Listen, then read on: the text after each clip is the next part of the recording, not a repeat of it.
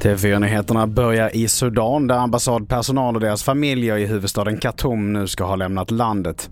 Detta enligt ett pressmeddelande från UD. Evakueringsinsatsen kommer att fortsätta så länge säkerhetsläget tillåter det. Och halv nio idag så kommer statsministern, utrikesminister Tobias Billström och försvarsminister Paul Jonsson hålla en pressträff. Vidare till att vapenförsäljningen i världen når för åttonde året i rad nya rekordhöga nivåer. Det framgår i en rapport från Internationella fredsforskningsinstitutet eh, SIPRI.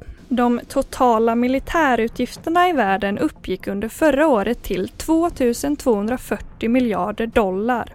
USA följt av Kina och Ryssland var de länder med absolut högst utgifter. Och tillsammans stod de för 56 procent av hela världens militära utgifter. Och reporter här var TV4s Jenny Olsson. Till sist, från och med klockan nio idag så hotar ytterligare förseningar för pendeltågen i Stockholmsområdet. Detta då facket STs skyddsombud hotar med att införa ett skyddsstopp för de tåg där lokförare framför tågen utan sällskap av tågvärdar ombord.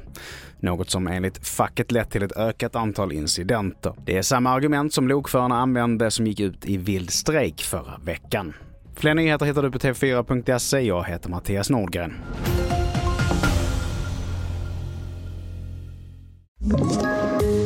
Poddtips från Podplay. I fallen jag aldrig glömmer djupdyker Hasse Aro i arbetet bakom några av Sveriges mest uppseendeväckande brottsutredningar. Går vi in med hemlig telefonavlyssning och, och då upplever vi att vi får en total förändring av hans beteende. Vad är det som händer nu? Vem är det som läcker? Och så säger han att jag är kriminell, jag har varit kriminell i hela mitt liv men att mörda ett barn, där går min gräns. Nya säsongen av Fallen jag aldrig glömmer på Podplay.